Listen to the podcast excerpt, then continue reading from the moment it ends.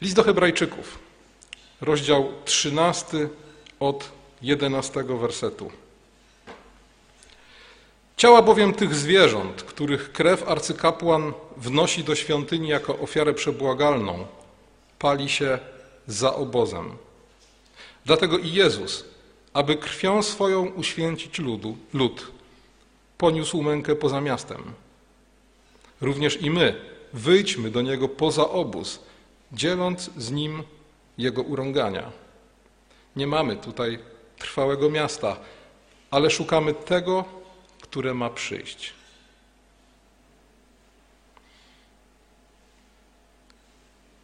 Czy Jezus narodził się w Betlejem? Takie pytanie z zakresu szkółki niedzielnej. No, odpowiedź nie jest wbrew pozorom taka prosta. I tak, i nie. Urodził się, jakby nie było, poza murami miasta. A czy umarł w Jerozolimie? No, znowu, i tak, i nie.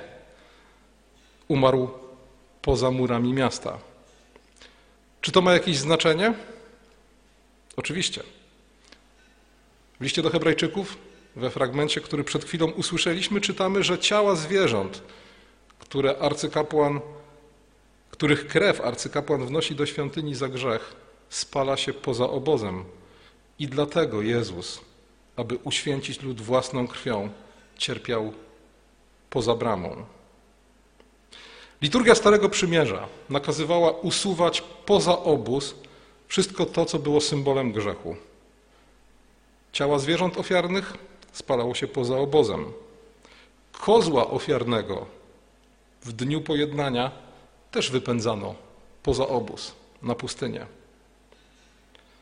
Śmierć Jezusa, która dokonała się poza miastem, nawiązuje do tej właśnie symboliki. A narodzenie Jezusa poza murami miasta jest zapowiedzią śmierci, która dokonała się poza miastem.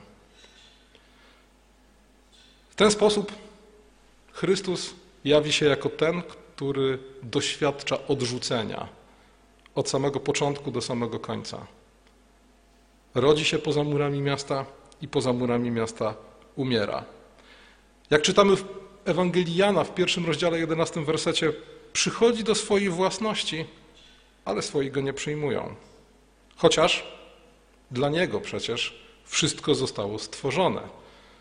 Jak mówi apostoł Paweł w liście do Kolosan w pierwszym rozdziale, w szesnastym wersecie. Ale Chrystus jest spoza tego świata. Jego królestwo jest nie z tego świata. I dlatego świat rozpoznaje Chrystusa Rozpoznaje w nim obce ciało i dlatego go odrzuca. I słuchajcie, to jest najbardziej przerażający aspekt męki pańskiej. To odrzucenie. Wcale nie fizyczne cierpienie, ale właśnie odrzucenie. To, co list do Hebrajczyków w 12 rozdziale, drugim wersecie nazywa hańbą krzyża. Prorok Izajasz kiedy zapowiada mękę i śmierć Chrystusa, mówi, że On jest jak ktoś, przed kim się twarze zakrywa. A więc widzicie, cierpiący Chrystus jest przeciwieństwem takiego archetypu szlachetnego, cierpiącego bohatera, na którym skupia się podziw i uwaga całego świata. Chrystus w cierpieniu jest odrzucony, pohańbiony i osamotniony a to odrzucenie, to pohańbienie odziera jego cierpienie z wszelkiej chwały, z wszelkiej czci. On nie jest jak bohater, na którego patrzy się z respektem. On jest jak ten, przed kim się twarze zakrywa. Jaki z tego wniosek dla nas? Wyjdźmy do niego poza obóz znosząc pohańbienie Jego. Tak mówi autor listu do Hebrajczyków. Skoro nasz Pan cierpi poza obozem i tam znosi pohańbienie, nasze miejsce jest przy Nim. Byłoby coś niestosownego i dziwnego, gdyby On cierpiał pohańbienie poza miastem, a my w tym czasie w tym samym mieście próbowalibyśmy się dobrze urządzić. Dla pierwszych adresatów listu do Hebrajczyków to wezwanie do wyjścia poza obóz, poza miasto było wezwaniem do porzucenia starej Jerozolimy i świątynno-synagogalnego judaizmu. To porzucenie było konieczne dla zachowania wiary i świadectwa o Chrystusie.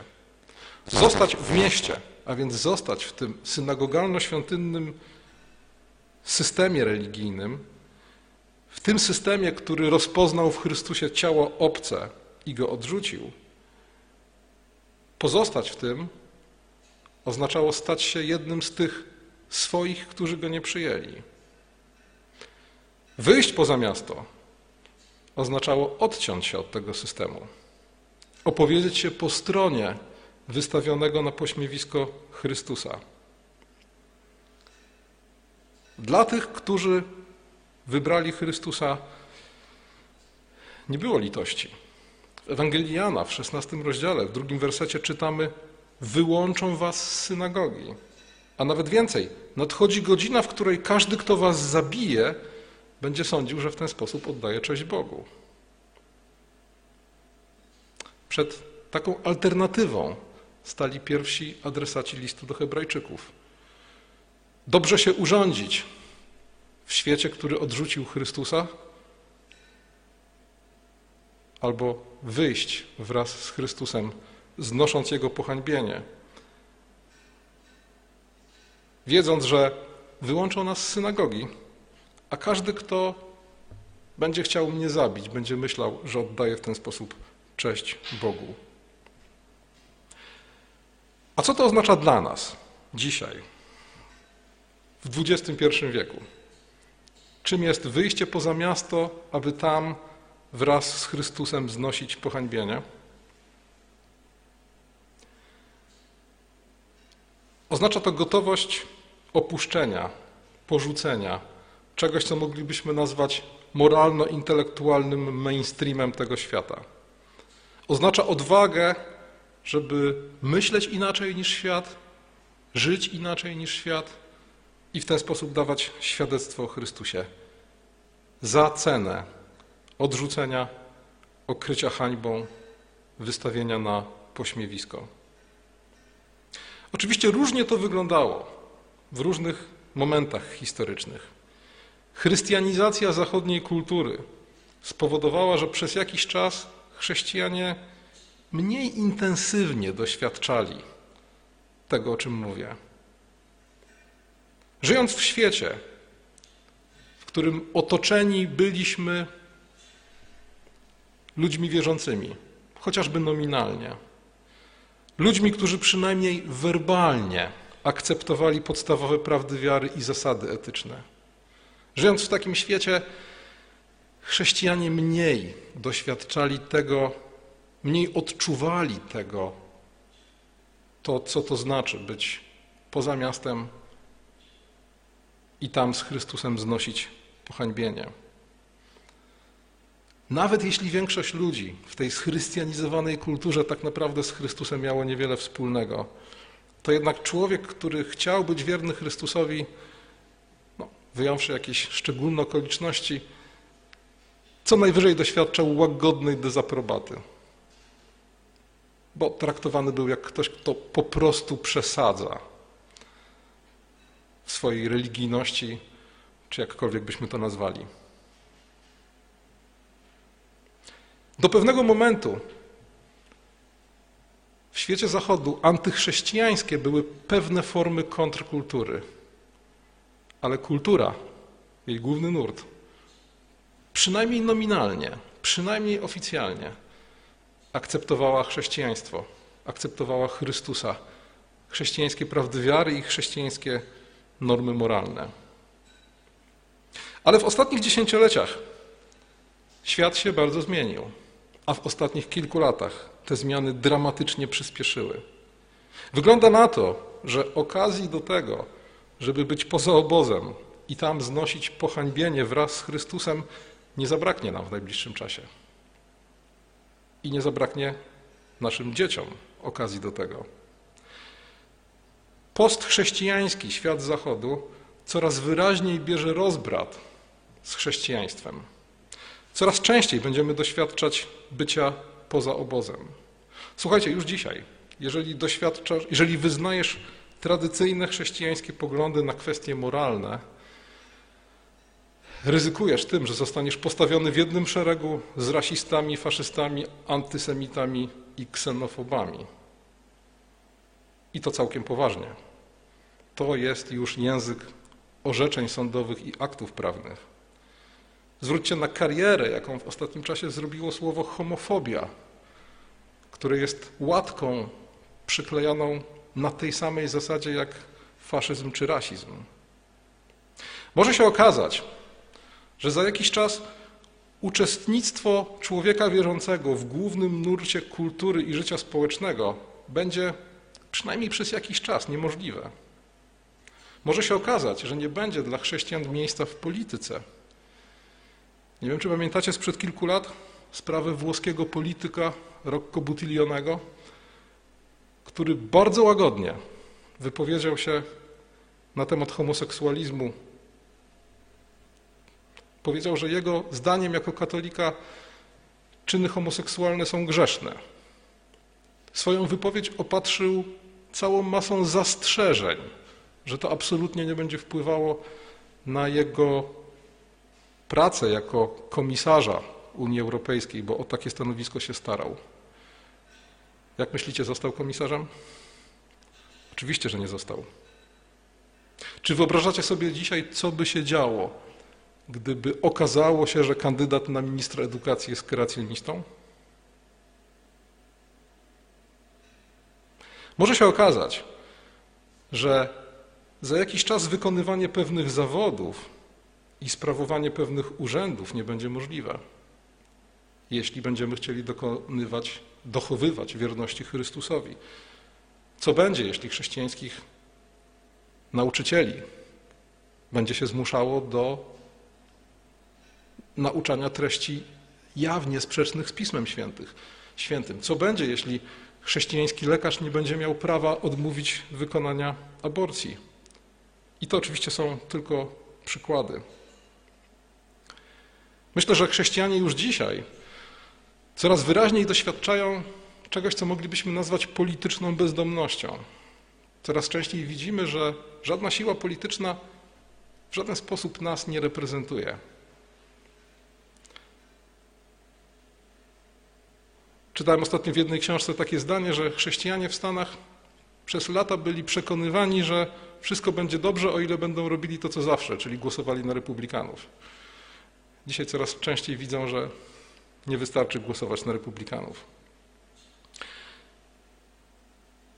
To odrzucenie Chrystusa, a co za tym idzie, odrzucenie ludzi, którzy Chrystusowi dochowują wierności, ono do, dokonuje się i będzie się dokonywać pod szczytnymi hasłami. Świat nie przyzna się, że odrzuca nas dlatego, że jesteśmy dobrzy. Świat się nie przyzna, że odrzuca nas dlatego, że dochowujemy wierności Chrystusowi. To wszystko dokonuje się pod hasłami tolerancji, osiągnięć nauki, ewentualnie walki z patriarchalną kulturą przemocy. Krótko mówiąc, odrzuceniu towarzyszy zniesławienie i pozbawienie czci. Bohaterów wiary, męczenników wiary, list do Hebrajczyków nazywa tymi, których świat nie był godzien. Ale świat nas tak nie nazwie. Świat będzie nas nazywał, jak w czasach Nerona, nieprzyjaciółmi rodzaju ludzkiego. Pytanie, czy jesteśmy na to gotowi? Czy zdajemy sobie z tego sprawę? I drugie pytanie, co robimy, żeby przygotować na to nasze dzieci, na świat, w którym wszystko na to wskazuje, będą żyć. Z tym wyjściem poza obóz łączy się pewna pułapka, pewne niebezpieczeństwo. Pułapka wyniosłej obojętności wobec świata.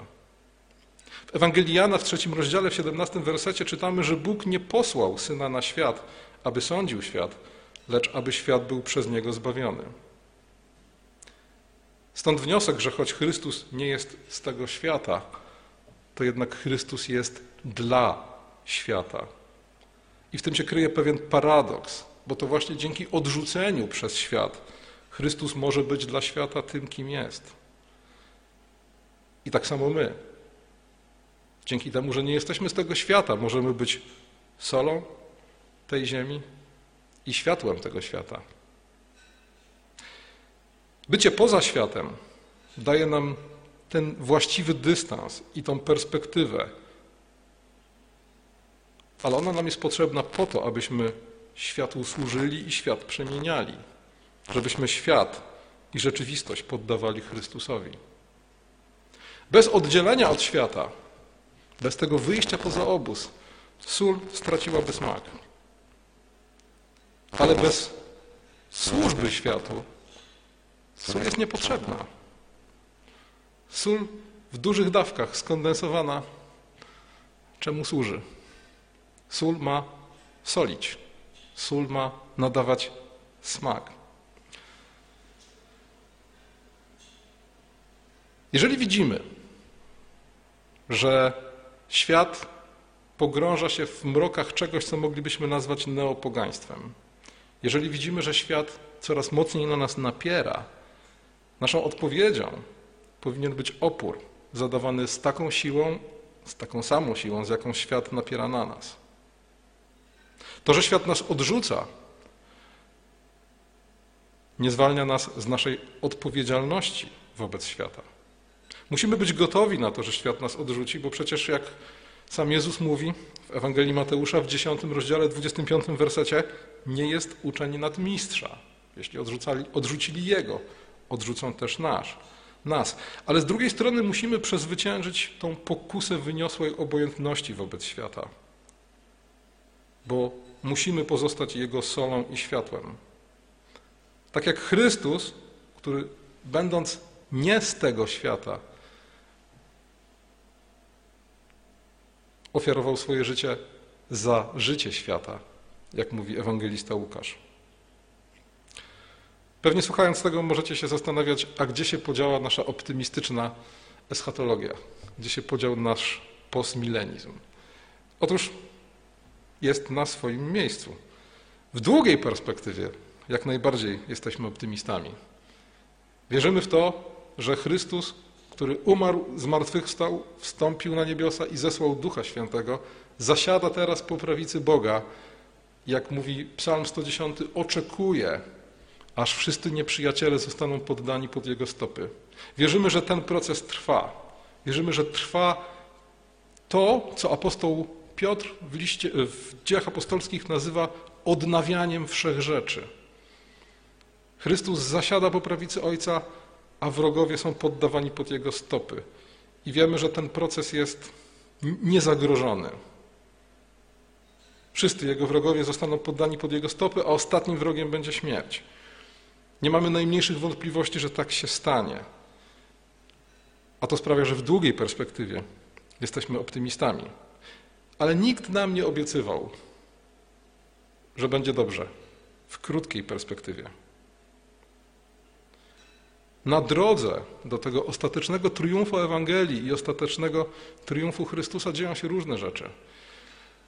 I wygląda na to, że nasza kultura i nasza cywilizacja wchodzi bardzo trudny okres. Okres, w którym kontrkulturowe są nie jakieś niszowe, antychrześcijańskie nurty i ruchy. Kontrkulturowi stajemy się my. Ale jeśli jesteśmy kontrkulturowi, to nie po to, żeby taką kontrkulturą zostać na zawsze, ale raczej po to, żeby nasza chrześcijańska kontrkultura stała się zaczynem nowej kultury. Dokładnie tak samo, jak stało się w czasie upadku Rzymu gdzie z tego zaczynu chrześcijańskiej kultury zbudowano nową kulturę na gruzach tej antycznej, rzymskiej, która zawaliła się pod ciężarem własnego upadku, własnej niemoralności, własnego braku woli życia. I dlatego musimy wyjść z Chrystusem poza miasto. Nie po to, żeby na zawsze zostać poza miastem, ale po to, żeby to miasto w pewnym momencie uratować. Amen.